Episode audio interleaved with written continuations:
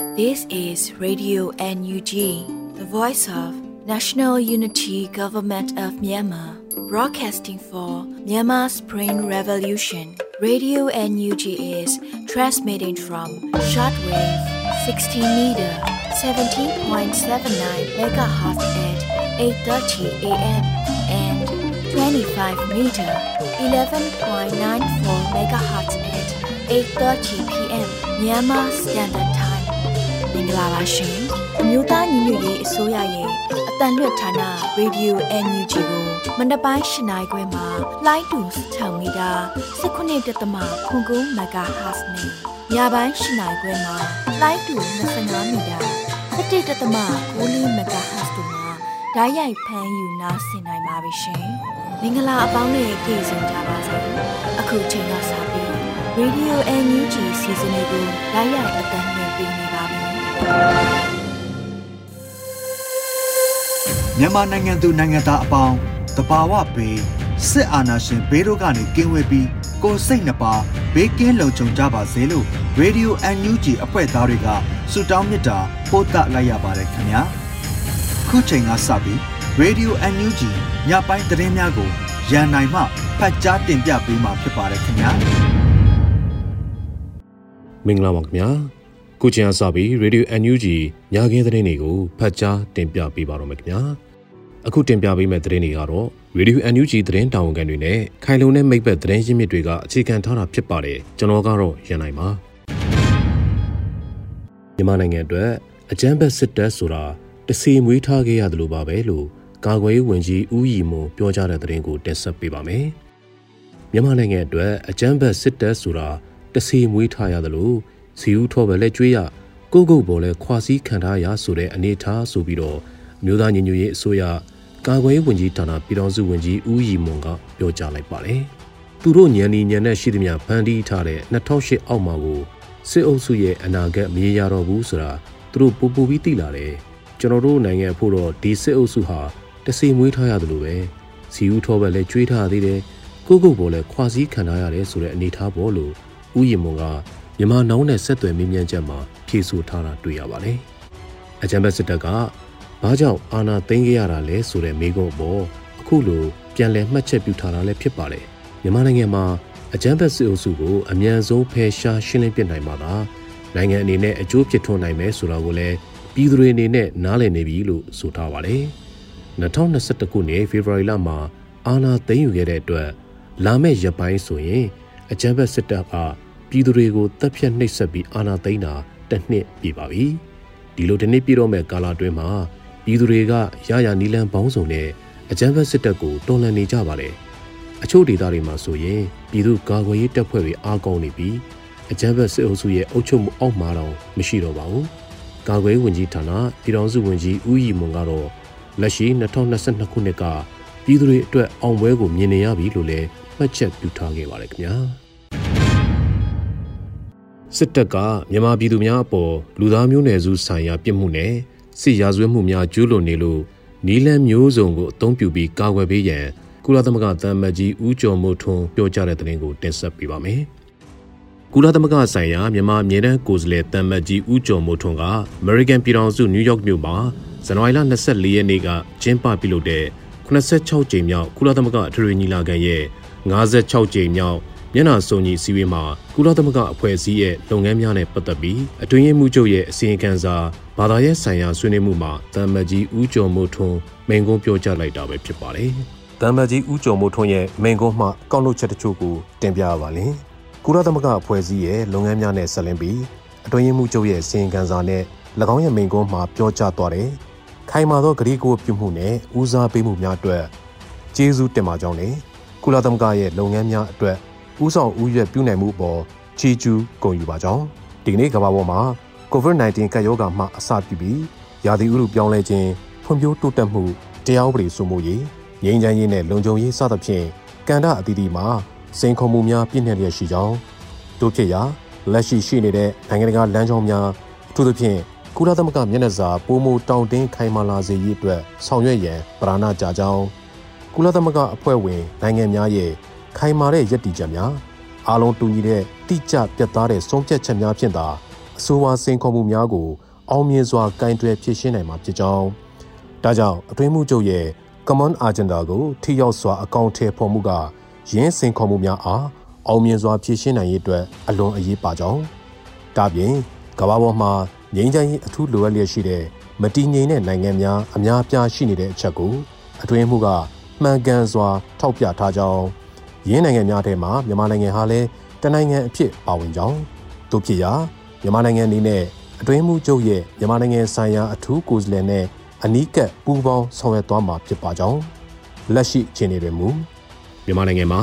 အာဏာသိမ်းမှုဖြစ်စဉ်ဖြစ်ပွားလာခဲ့တာဟာတစ်နှစ်တင်းတင်းပင်ပြည့်မြောက်တော့မှာဖြစ်ကြောင်းအပြစ်မဲ့ပြည်သူ1448ဦးကျော်သေဆုံးခဲ့ပြီးအခြားထောင်ပေါင်းများစွာသောပြည်သူများဟာလည်းဖမ်းဆီးထိန်သိမ်းခံထားရကြောင်းညှဉ်းပန်းနှိပ်စက်ခံရကြောင်း ကုလသမဂ္ဂအဖွဲ့အစည်းပါဝင်နိုင်ငံတကာအတိုင်အဝန်းအနေနဲ့မြန်မာစစ်တပ်အားရက်ဆက်ကြမ်းကြုတ်မှုများကိုရပ်တန့်ရန်ကြိမ်ပန်များစွာတောင်းဆိုခဲ့တော်လဲ၎င်းတို့ဟာပြည်သူများပေါ်မြည်တို့မျှစဉ်းစားပေးခြင်းမရှိပဲပြည်သူများရဲ့ဆန္ဒကိုလစ်လျူရှုဆန့်ကျင်ကလူခွင့်ရေးကိုဆိုးရွားစွာချိုးဖောက်ပြီးပြစ်မှုရောင်များစွာကိုသာကျူးလွန်လျက်ရှိကြောင်းမြမစစ်တပ်ရဲ့အင်အားအလွန်ကျွံအုံပြုမှုနဲ့လူသားမဆန်တဲ့ရက်ဆက်ကြမ်းကြုတ်မှုတို့ကြောင့်ပြည်သူများနဲ့ပြည်သူများရဲ့အိုးအိမ်များဘာသာရေးအဆောက်အအုံများ ကျန်းမာရေးအဆောက်အဦများစာသင်ကျောင်းများနဲ့လေယာပြိုးကင်းများပျက်စီးခဲ့ရကြောင်းထို့များသာမကပဲအသက်သေးဆုံးခြင်းအဆိုပါခက်ခဲတဲ့အခြေအနေများနဲ့လူသားချင်းစာနာထောက်ထားမှုအကူအညီမလုံလောက်မှုတို့ကလောင်းတို့အားပုံမထိခိုက်လွယ်ပြီးစိုးရင်ရတဲ့အန္တရာယ်များကိုရောက်စေဖို့တွန်းပို့နေကြောင်းမြန်မာစစ်တပ်ကဖော်ပြပါလူခွင့်ရေးနဲ့လူသားချင်းစာနာထောက်ထားမှုဥပဒေများကိုချိုးဖောက်နေတာကိုကြည်ချင်းအဖြစ်၎င်းတို့ဟာလူသားမျိုးနွယ်စုပေါ်ကျူးလွန်တဲ့ပြစ်မှုနဲ့စစ်ရာဇဝတ်မှုတို့ကိုကျူးလွန်နေတာဟာ သိသာထင်ရှားကြောင်းမြန်မာစစ်တပ်ကပုံမဆိုးရွားတဲ့ရက်ဆက်ကြမ်းကြုတ်မှုများကျူးလွန်မဲ့ရန်ဆွဲအန်ဒရမှကာကွယ်နိုင်ရန်မြန်မာပြည်သူပြည်သားများအနေနဲ့နိုင်ငံတကာရဲ့ကူညီနဲ့အကာအကွယ်ပေးမှုတို့ကိုလိုအပ်နေတာဟာရှင်းလင်းမြင်သာပါကြောင်းမြန်မာစစ်တပ်ရဲ့ပြစ်မှုများကျူးလွန်မှုကြောင့်ထိခိုက်ခံစားရသူများပုံမမတိုးပွားလာစေရန်ဆောင်ရွက်ပေးစီလိုကြောင်းနဲ့ကုလသမဂ္ဂဗြိညင်စာတမ်းနဲ့အညီနိုင်ငံတကာအတိုင်းဝိုင်းအနေနဲ့ကုလသမဂ္ဂမှတဆင့်ဖြစ်နိုင်တဲ့နီလန်းမျိုးစုံကိုအသုံးပြုပြီး အချိန်မီပြတ်သားစွာကာကွယ်ပေးရန်တာဝန်ရှိပါကြောင်းအဓိကအားဖြင့်ကုလသမဂ္ဂအတွင်းမှုချုပ်ရဲ့ဂရေကိုပြုမှုနဲ့ကုလသမဂ္ဂဖွဲ့ဝင်နိုင်ငံများရဲ့ခိုင်မာပြီးမမိတ်မတုံထောက်ခံမှုတို့ဖြင့်မြန်မာစစ်တပ်ရဲ့ရက်ဆက်ကြမ်းကြုတ်မှုများကိုအပြီးတိုင်အဆုံးသတ်နိုင်မှာဖြစ်ပြီးမြန်မာနိုင်ငံအတွက်လိုအပ်နေတဲ့ငြိမ်းချမ်းရေးတည်ငြိမ်ရေးတို့ကိုဖော်ဆောင်နိုင်ကလူသားချင်းစာနာထောက်ထားမှုကူညီများကိုလည်းပေးရနိုင်မှာဖြစ်ကြောင်းဒါကြောင့်မြန်မာနိုင်ငံအားဒီမိုကရေစီလမ်းကြောင်းပေါ်ကိုပြန်လည်ရောက်ရှိစေရေး ငြိမ်းချမ်းရေးနဲ့တာယာဝပြောမှုပြန်လည်ပေါ်ထွန်းလာစေရေးတို့အတွက်ကုလသမဂ္ဂဖွဲ့ဝင်နိုင်ငံများအနေနဲ့ထိရောက်မြန်ဆန်ပြီးညီညွတ်တဲ့တုံ့ပြန်ဆောင်ရွက်မှုများလှုံ့ဆော်ပေးကြရန်မိမိအနေနဲ့ထပ်လောင်းတောင်းဆိုလိုပါကြောင်းတမ်မတ်ကြီးကပြောကြားခဲ့ပါတယ်ခင်ဗျာကိုဂျင်မီနဲ့ကိုဖြိုးစီယာတော်တို့အားတည်တံချမှတ်မှုကိုကန့်ကွက်ပြီးနိုင်ငံရေးအကျဉ်းသားအားလုံးလွှတ်ပေးရန်ဆွေဒင်တန်ယုံထုတ်ပြန်တဲ့သတင်းကိုတင်ဆက်ပေးပါမယ်။ကိုဂျင်မီနဲ့ကိုဖြိုးစီယာတော်တို့အား တည်တံချမှတ်မှုကိုကန့်ကွက်ပြီးနိုင်ငံရေးအကျဉ်းသားအားလုံးလွှတ်ပေးရန်ရန်ကုန်မြို့ရှိဆွေဒင်တန်ယုံကဇန်နဝါရီလ25ရက်မှာထုတ်ပြန်လိုက်ပါတယ်။တည်တံချမှတ်ခြင်းဟာရက်ဆက်လူမဆန်လူကုန်တိတ်ခညှိုးနှွမ်းစေပြီးပြန်လည်ပြင်ဆင်ခွင့်မရတဲ့ပြစ်ဒဏ်ဖြစ်တဲ့အပြင်လူသားများရဲ့မွေးရပါအခွင့်အရေးဖြစ်တဲ့အသက်ရှင်ခွင့်အားချိုးဖောက်နေတဲ့ပြစ်ဒဏ်လည်းဖြစ်တယ်လို့တန်ယုံကဆိုပါတယ်။ဆွေဒင်နိုင်ငံနဲ့ဥရောပသမဂ္ဂအနေနဲ့ကမ္ဘာလုံးအတိုင်းအတာ တည်တံဖြတ်သိမ်းရေးအားကြိုးပမ်းလှုပ်ဆောင်နေတာနဲ့အညီမြည်သည့်အကြောင်းအရာပုံစံမျိုးနဲ့မဆိုတည်တံချမှတ်ခြင်းအားရှုတ်ချကန့်ကွက်ကြောင်းစစ်ကောင်စီကနိုင်ငံရေးတက်ကြွလှုပ်ရှားသူကိုချင်းမီနဲ့ NLD လွှတ်တော်အမတ်ဟောင်းကိုဖြိုးစရာတော်တို့ကိုဇန်နဝါရီလ22ရက်ကတည်တံချမှတ်လိုက်ပြီးတဲ့နောက်တည်တံချမှတ်ခံရသူ45ဦးအထိရှိလာတဲ့အတွက်အသက်ရှင်တန်ခွင့်အားလေးစားလိုက်နာခြင်းသည်လူအခွင့်အရေးဤအဓိကအချက်ပင်ဖြစ်ကြောင်း ထပ်လောင်းသတိပေးလိုတယ်လို့ဆွေဒင်တန်ယုံကဆိုပါတယ်။တည်တံချမှတ်ခြင်းအားဖျက်သိမ်းခြင်းနဲ့အတူနိုင်ငံရေးအကျဉ်းသားအားလုံးလွှတ်ပေးရမှာဖြစ်ကြောင်းဆွေဒင်တန်ယုံရဲ့ထုတ်ပြန်ချက်မှာဖော်ပြထားပါတယ်ခင်ဗျာ။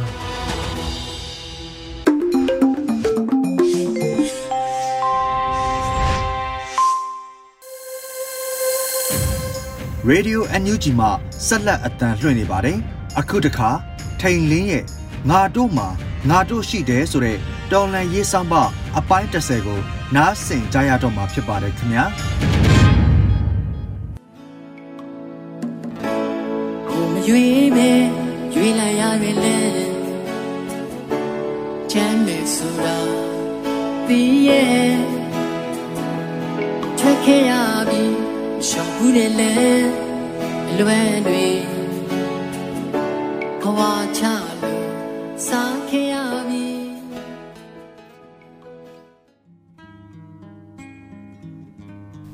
ငါတို့မှာငါတို့ရှိတယ်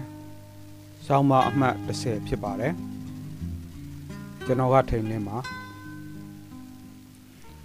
တော်လန်ရေးကာလရှည်လာပြီဆိုရင် ဖြစ်တတ်တဲ့သဘောတဘာဝများစွာထဲမှာစိတ်ပိုင်းဆိုင်ရာခံစားချက်တွေလည်းပါဝင်ပါတယ်။အထူးသဖြင့်အာနာရှင်တွေရဲ့ဖိနှိပ်မှုကြီးမားတဲ့အခါစိုးရိမ်စိတ်တွေဝေစိတ်ဖြစ်တတ်ပါတယ်။ဘက်ပေါင်းစုံကသွေးထိုးသွေးခွဲမှုတွေကြားက မြမຫນွေဦးဒေါ်လာရေးဟာတစ်နှစ်ပြည့်ကနေအထိစစ်အာဏာရှင်တွေအုပ်ချုပ်လို့မရအောင် တောင့်ခံတော်လှန်နိုင်ခဲ့ပါတယ်။စစ်အုပ်စုကလည်းဖမ်းဆီးတပ်ဖြတ်ဖိနှိပ်မှုမျိုးစုံကို မြမသမိုင်းရဲ့အရက်ဆက်အကောက်ကျစ်ဆုံးအောက်တန်းအကြဆုံးနည်းတွေနဲ့ပြောင်ပြောင်တင်းတင်းကျူးလွန်လျက်ရှိပါတယ်။ဘသူကိုဘာမှုနဲ့အရေးယူလိုက်ပြီးဘသူကိုဖမ်းလိုက်ပြီးစသဖြင့်စစ်အုပ်စုသတင်းထုတ်ပြန်နေတာကလည်းလူထုကို ခြောက်လှန့်ခြင်းနီးဗျူဟာတွေပဲဖြစ်ပါတယ်ဒီလိုလုပ်နေတာကို ရှေ့တန်းကရင်ဆိုင်နေသူတွေကဂယုမဆိုင်အမှုမထားပဲဆက်လက်ရင်ဆိုင်နေကြပါမယ်နောက်တန်းကပံ့ပိုးသူတွေစောင့်ကြည့်သူတွေကအာရော့စကားပြောတတ်ကြပါတယ်ဒါတွေဟာသဘာဝဖြစ်ပေမဲ့တော်လန်ရေးဆိုတာစောင့်ကြည့်နေဖို့မဟုတ်ဘူးဆိုတာကိုတော့သတိချက်တင်ပါတယ်အောင်မြင်တဲ့တော်လန်ရေးတိုင်းဟာ အတန်တိတ်ပြီးစောင့်ကြည့်နေသူတွေများလို့အောင်မြင်တာမဟုတ်ပါဘူးလူအများကခေါင်းဆောင်ဖြစ်စေနောက်လိုက်ဖြစ်စေကိုနိုင်တဲ့ဝင်ကိုထမ်းရင်စိုက်လက်မတ်တက်တော်လှန်ရေးမှာပါဝင်ခဲ့ကြလို့ဖြစ်ပါတယ်အာနာရှင်တွေရဲ့ဖိနှိပ်မှုအရှိန်မြင့်လေတော်လှန်အင်အားစုအတွင်းအဖမ်းခံရတိန်းရှောင်ရနဲ့အင်အားရော့ပါတတ်ပေမဲ့ကြံသူတွေကအင်အားဖြည့်လှုပ်ရှားဆောင်ရွက်ရတာဖြစ်ပါတယ် ဒီလိုအခြေအနေမျိုးကြုံခဲ့ရတဲ့တောင်အာဖရိကနိုင်ငံရဲ့အခြေအနေတချို့ကို ပြောပြခြင်းပါတယ်1988ခုနှစ်မြန်မာပြည်မှာရှစ်လေးလုံးအရေးတော်ပုံစတင်ကနီးအချိန်အဲ့ဒီအချိန်လူမျိုးရေးခွဲခြားတဲ့စနစ်ကို ဥပဒေပြဋ္ဌာန်းပြီးကျင့်သုံးနေတဲ့တောင်အာဖရိကနိုင်ငံမှာငြိမ်းချမ်းစွာဆန္ဒပြသူများကို လူယူအစိုးရကပြင်းပြင်းထန်ထန်နှိပ်ကွပ်နေခြင်းဖြစ်ပါတယ် လူယူအစိုးရအာဏာပိုင်တွေကနိုင်ငံရေးခေါင်းဆောင်တွေနဲ့အဖွဲ့အစည်းတွေကိုတရားမဝင်ကြောင်းအမိန့်ထုတ်ပြန်တာတွေထောင်သွင်းအကျဉ်းချတာတွေလှုပ်ဆောင်နေပြီးတချို့သောနိုင်ငံရေးလှုပ်ရှားသူတွေက တိုင်းတစ်ပါးကိုထွက်ပြေးနေရတဲ့အချိန်ဖြစ်ပါတယ်ဒီအချိန်မှာခရစ်ယာန်ဖျားเจ้าများကသာအစိုးရကိုအင်အားရှိရှိစိန်ခေါ်နိုင်တဲ့အနေအထားဖြစ်နေပါတယ်ဘုန်းတော်ကြီးဒက်စမွန်တူတူကတရားမျှတမှုရရှိရေးအတွက် ဥဆောင်နိုင်တဲ့လက်ကျန်လူမဲခေါင်းဆောင်တချို့တဲကတအူးဖြစ်ပါတယ်1988ခုနှစ်ဖေဖော်ဝါရီလ29ရက်နေ့မှာသူကဘာသာရေးခေါင်းဆောင်တွေကို Cape Town မြို့ကသူ့ရဲ့ဖျားเจ้าစီလာဖို့ဖိတ်လိုက်ပါတယ်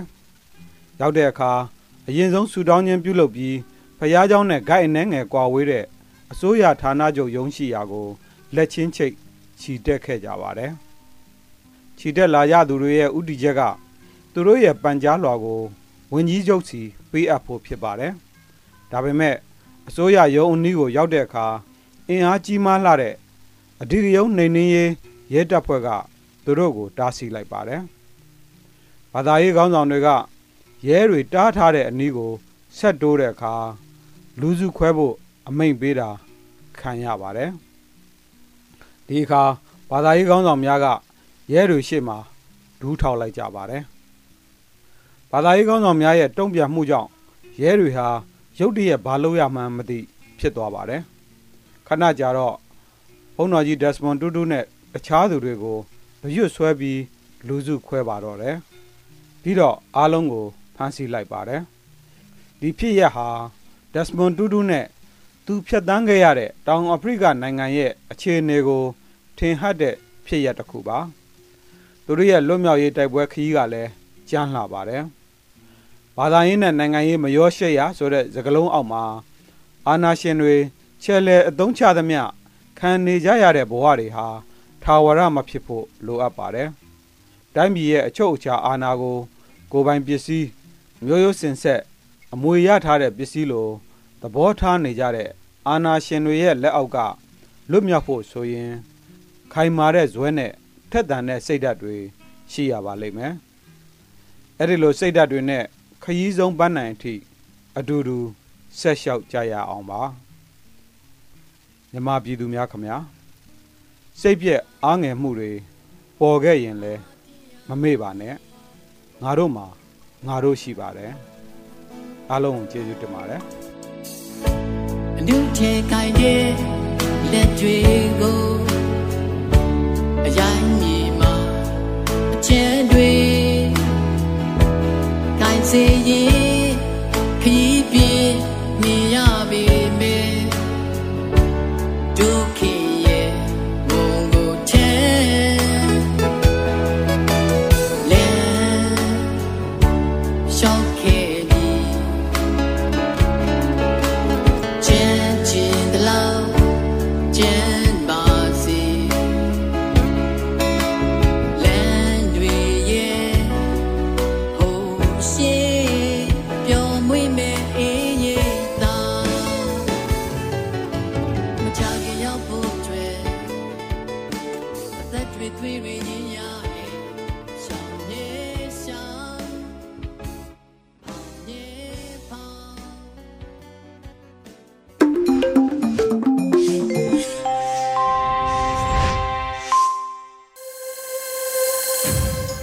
ဆက်လက်ပြီး Radio NUG ရဲ့တော်လန်ရေးကြပြအစီအစဉ်မှာ အောက်ချင်းမှန်ရေးသားတဲ့သူရဲကောင်းတို့တိုင်းပြည်ဆိုတဲ့ကြပြကိုကျွန်တော်ຫນွေဦးမိုးမှဖတ်ကြားပေးထားပါတယ်ခင်ဗျာသူရဲကောင်းတို့တိုင်းပြည်ဒီမိုကရေစီကိုကြားကောင်းအောင်အကြောင်းပြအာဏာကိုအငမ်းမရဖမ်းဆုပ်လာခဲ့တာဆယ်စုနှစ်များစွာကြာခဲ့ပေါ့1962နှစ် ဦးနေဝင်ခင်းခဲ့တဲ့ဇက်ဟာမြမရာဇဝင်စင်မြင့်ပေါ်ကရုပ်လို့ရုံမှန်မသိရိုင်းလို့ရိုင်းမှန်မသိအလှဲ့ကျတက်တက်ကလိုက်ကြတာများပြည်သူတွေအော့နှလုံးနာလှပေါ်အာနာသိမ့်မှုကိုလက်ဆင့်ကမ်းအစင်အလာတစ်ခုလိုပုံသွင်းကိုယုံတော်လူစုကိုမွေးစားခွေးကျင့်ခွေးကြံတွေနဲ့ပြည်သူကိုအမျက်ထုတ်ဂုတ်သွေးဆုပ်ရုပ်မာလိုက်ပုံများ မျိုးဆက်တက်တို့နောင်ခါမမေ့ရအောင်ချပြတင်ပေးရအောင်မယ်အကျန်းနီးနဲ့တစ်မျိုးအနုနီးနဲ့တစ်ဖုံးပြည်သူဘန္နာကိုဓမြတိုက်လူရုပ်ဇရိုက်ကိုဖုံးကွဲသူတော်ကောင်းအောင်ဆောင်တဲ့အာနာရှင်ကို အရှုံးပေးခဲ့တဲ့ကာလတွေကြာခဲ့တော့တို့ပြည်သူတွေနစ်နာလုံးနေပြီငါတို့စင်းရတာအာနာယူဒင်းတို့ကြောင့်ငါတို့ပညာမတတ်တာ လူရုပ်မှာဒင်းတို့ကြောင့်တတိုင်းပြည်လုံးလူရမဝင်တာအတ္တသမားဒင်းတို့ကြောင့်တတိုင်းပြည်လုံးမွဲပြကြနေတာလောဘသမားဒင်းတို့ကြောင့်ဒီတခါငါတို့သူရဲကောင်းတို့အလှဲ့ဒင်းတို့ကိုခွင့်မလွတ်တော့ဘူးမြမမြေပေါ်မှာအာနာရှင်စနစ်အမြင့်ပြတ်အဆုံးသတ်စေရမယ်ဟုတ်တယ်ဒင်းတို့စကားလှလှသုံးပြီးပြည်သူကိုညာစားလာခဲ့သည်မြ အတိုးချပြန်ပေးဆက်ချိန်ရောက်ပြီဒင်းတို့တနတ်ကိုအာကိုပြီးပြည်သူကိုတတ်လာခဲ့သည်မြဝတ်ကြွေးပြန်ဆက်ချိန်ရောက်ပြီရဲဘော်တို့တတိထားလူယုံမာတို့တဘာဝစကားချိုတတ်တယ်ရဲဘော်တို့ဂယူဆိုင်လူစင်းလဲတို့တဘာဝမိုက်ရိုင်းတက်ကြတယ်ငါတို့ဟာပြည်သူဘတ်တော်သားပြည်သူချစ်တဲ့သူရဲကောင်းဒါတို့ပြည်ဒါတို့မြေ ငါတို့သူရဲကောင်းတို့တိုင်းပြည်အောက်ချင်းမှန်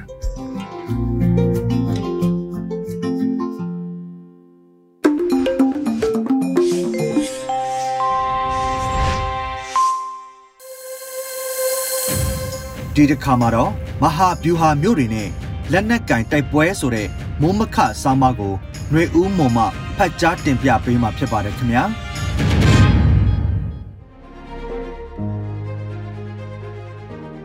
နဲ့ကိုင်းတိုက်ပွဲရန်ကုန်မြို့နဲ့မန္တလေးမြို့တို့လိုမြို့ကြီးတွေကိုကြည့်ရင်မနက်မိုးလင်းတာနဲ့ကားအသွားအလာလမ်းတွေမှာပြည့်နှက်နေသလိုစီးပွားရေးကိစ္စတွေအတွက်လှုပ်ရှားသွားလာသူအပြည့်နဲ့ခကိုဗစ်ကူးစက်မှုအမြင့်ဆုံးကာလကိုကျော်လွန်ပြီးနောက်မှာပုံမှန်လိုပြန်ဖြစ်လာနေတာမျိုးတွေ့ရမှာဖြစ်ပါတယ်။ပြီးခဲ့တဲ့၈လ10လဝန်းကျင်ကပိတ်ထားခဲ့ရတဲ့လူလက်တန်းစားတွေစားသုံးတဲ့ဘီယာဆိုင်စားတောက်ဆိုင်တွေမှာလည်း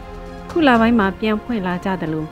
ချို့လုပ်ငန်းသစ်တွေဆိုင်သစ်တွေတောင်ဖွင့်လှစ်ကြတာတွေ့ရမှာဖြစ်ပါတယ်။နိုင်ငံခြားခီးသည်တွေတော့ဝင်ခွင့်မရသေးတော့လဲခုလနိုင်ငံတကာအဖွဲ့အစည်းကြီးတချို့ရဲ့နိုင်ငံခြားသားဝန်ထမ်းအနေငယ်တော့ရန်ကုန်မြို့မှာရှိနေကြတာပါ။ကိုဗစ်အရှိန်အမြင့်ဆုံးကာလတွေဖြစ်တဲ့ဇွန်၊ဇူလိုင်၊ဩဂုတ်၊စက်တင်ဘာလတွေတုန်းကပိတ်ထားခဲ့တဲ့ဘားအချို့လည်းပြန်ဖွင့်နေကြတာတွေ့ရပါတယ်။ဘတ်စကားတွေလည်းအရင်နှီးပါပြန်လည်ပြေးဆွဲနေပြီးမနက်စောစောရုံးတွေလုပ်ငန်းတွေသွားလာကြပြီး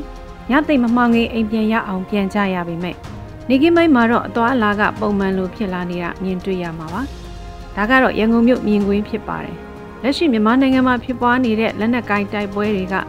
ပြည်내အများစုနဲ့အချို့တိုင်းဒေသကြီးတွေရဲ့နေမြေတွေထဲမှာဖြစ်ပွားနေတာဖြစ်ပြီးတိုင်းသားလူမျိုးစုတွေကငကိုကလေးကလက်နက်ကိုင်တပ်ဖွဲ့တွေရှိခဲ့ကြတာမို့၎င်းတို့စိုးမှုရာနေရာတွေကိုလက်နက်ကိုင်တိုက်ခိုက်ဖို့ဆုံးဖြတ်ကြတဲ့သူတွေခိုးလုံတင်နန်းတက် လက်နက်ကိုင်တိုက်ခိုက်ကြတာကရုံရအားဖြင့်မြင်တွေ့ရတဲ့လမ်းကြောင်းဖြစ်ပါတယ်။ကယားပြည်နယ်၊ကရင်ပြည်နယ်ကချင်ပြည်နယ်နဲ့ချင်းပြည်နယ်တွေကဆီယနာသိမ်းပြီးနောက်လက်နက်ကိုင်တိုက်ပွဲအရှိန်မြင့်လာတဲ့ဒေသတွေဖြစ်ပြီးတိုင်းဒေသကြီးတွေအနေနဲ့ဆိုရင်တော့စကိုင်းတိုင်းမကွေးတိုင်းအထက်ပိုင်းပဲခူးတိုင်းရဲ့ဒေသအချို့တနင်္သာရီတိုင်းရဲ့ဒေသအချို့တို့ဖြစ်ပါတယ်။ရေဘူးရအားဖြင့်ဆိုရင်စကိုင်းနဲ့အေရဝတီပဲခူးနဲ့တနင်္သာရီရဲ့ဒေသတွေကလွှင်းရင်တိုင်းဒေသကြီးတွေကဗမာလူမျိုးအများစုနေထိုင်ကြတာဖြစ်ပါတယ်။ စကားစကိုပြန်ကောက်ရရင်လက်နက်ကိုင်တိုက်ပွဲတွေကတိုင်းသားဧရိယာအများစုနဲ့ဗမာလူမျိုးတွေနေထိုင်တဲ့ဒေသအချို့တို့မှာပြင်းပြင်းထန်ထန်ဖြစ်ပွားနေတာဖြစ်ပါတယ်။မြို့ကြီးတွေဖြစ်တဲ့ရန်ကုန်မန္တလေးအုတ်ချိုရေးမြို့တော်ဖြစ်တဲ့နေပြည်တော်တို့မှာဘုံကွဲတာအလစ်အငိုက်ပြပြေးတာမျိုးကလွှင်းရင်တက်ဖွဲ့နဲ့နေရာယူပြီးတိုက်တဲ့တိုက်ပွဲတွေဖြစ်ပွားတာမရှိပါဘူး။တနည်းအားဖြင့်ပြောရရင်ဒီမြို့ကြီးတွေမှာနေထိုင်တဲ့ဆီယနာသိမ်းမှုစန့်ကျင်သူဆီယနာရှင်စန့်ကျင်သူတွေက တိုင်းသား area တွေစီသွားရောက်ခိုးလုံကြပြီအဲ့ဒီဒေသခံလူငယ်တွေတိုင်းသားလက်နက်ကိုင်တပ်ဖွဲ့တွေနဲ့အတူစစ်ကောင်စီတပ်တွေကိုတိုက်ခိုက်ကြတဲ့သဘောဖြစ်ပါတယ်မြို့ကြီးတွေမှာပျောက်ကြားတိုက်ခိုက်မှုတွေရှိပေမဲ့မြို့တစ်မြို့လုံးတိမ်းရှောင်ကြရတဲ့တာရကအနေနဲ့ဆိုချင်းပြည်နယ်ထန်တလန်နဲ့ကယားပြည်နယ်ကလွိုင်ကော်တို့ဖြစ်ပါတယ်။မကွေးတိုင်းအထက်ပိုင်းစကိုင်းတိုင်းမှာတော့မြို့နယ်တော်များများကကြေးရွာတွေပြီးခဲ့တဲ့9လ6လတာကာလမှာမကြာခဏထွက်ပြေးတိမ်းရှောင်နေကြရသလို ချစ်ရွာတွေလည်းဖျက်ဆီးခံနေကြရတာဖြစ်ပါတယ်။တစ်ဖက်မှာကိုချင်းစာနာမှုရှုထောင့်ကကြည်ရင်မြို့ကြီးမှာနေထိုင်သူတွေကစစ်ကောင်စီကိုတိုက်ခိုက်ကြဖို့အားပေးကြတယ်လို့လိုအပ်တဲ့အကူအညီအထောက်ပံ့တွေလည်းစူးစီးထည့်ဝင်နေကြပေမဲ့လက်တွေ့တိုက်ခိုက်နေရတဲ့စစ်မြေပြင်ကကျေးရွာတွေနဲ့တိုင်းသားဒေသတွေဖြစ်ပြီးမြို့ကြီးပေါ်ကသူတွေကတော့ပုံမှန်သွားလာနေထိုင်နေကြတဲ့သဘောမျိုးနှိုင်းရှင်ခံစားချက်တွေလည်းရှိနေကြတာဖြစ်ပါတယ်။ရန်ကုန်မြို့ကိုကြည့်မယ်ဆိုရင် ကိုဗစ်ကူးစက်မှုတွေအရှိန်ရော့ကျလာတာနဲ့အမျှစားတောက်ဆိုင်တွေဈေးဝယ်စင်တာတွေမှာလူစီကားနေတာတွေ့ကြရမှာဖြစ်ပါတယ်။ရန်ကုန်မြို့မှာနေ့စဉ်ကားအသွားအလာငကုအနေအထားနှီးပါပြန်ရောက်နေပြီးရုံသွားသူသွားဖွင့်တဲ့အကြောင်းအချို့မှာလည်းကြောင်းတက်သူတွေတက်နေကြတာမို့ရုတ်တရက်ကြည့်ရင်တော့ရန်ကုန်ကပုံမှန်ပြန်ရောက်နေပြီလို့ထင်မြင်ယူဆစရာဖြစ်ပါတယ်။စစ်ကောင်စီထိန်းချုပ်ထားတဲ့ရန်ကုန်မြို့ဟာစစ်ကောင်စီဘက်ကပုံမှန်ပြန်ရောက်နေပြီဆိုတာမျိုးပြသခြင်းဝါဒဖြန့်ကျင်တာရှိကောင်းရှိပါလိမ့်မယ်။တစ်ဖက်မှာလည်း လူဦးရေ9သန်းကျော်ရှိတဲ့ရန်ကုန်မြို့ရဲ့စီးပွားရေးလက်ပတ်မှုဟာမြန်မာနိုင်ငံရဲ့အခြားသောဒေသတွေနဲ့ဆက်ဆက်နေတယ်လို့လူတန်းနဲ့ချီတဲ့ရန်ကုန်မြို့နေလူတို့ရဲ့စားဝင်နေရေးလက်ပတ်နေဖို့လဲလောလောဆယ်မှာအရေးကြီးတယ်လို့ဆိုကောင်းဆိုနိုင်မှာဖြစ်ပါတယ်။လာတူမန္တလေးမြို့ဟာလည်းမြန်မာနိုင်ငံအလဲပိုင်းနဲ့အထက်ပိုင်းရဲ့ထွက်ကုန်တွေဖလှယ်ရာအိန္ဒိယတရုတ်နယ်စပ်ကုန်သွယ်ရေးရဲ့လမ်းစုံမြို့ဖြစ်ပြီး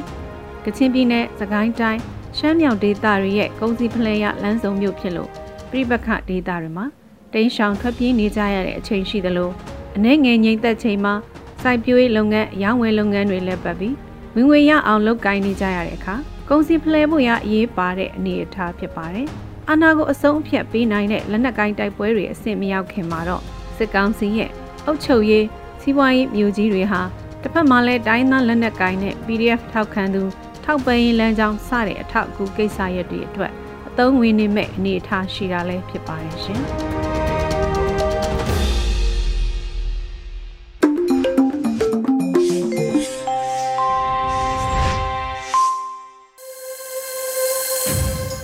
အခုနောက်ဆုံးတေးရီခွန်ပြည့်လင်းရေးသားပြီးတေးဆိုဂျန်နီရဲ့မြေစာပင်ကလေးငယ်ဆိုတဲ့တေးဂီတကိုနားဆင်ကြရမှာဖြစ်ပါတယ်ခင်ဗျာ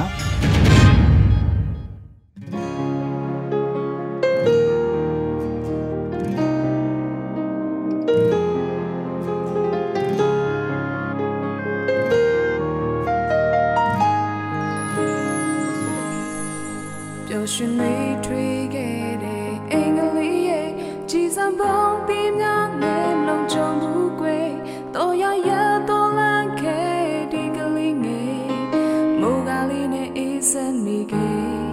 နေညူရင်ကစားရတော့မေဒီကလေးငယ်တော်ရှင်သွား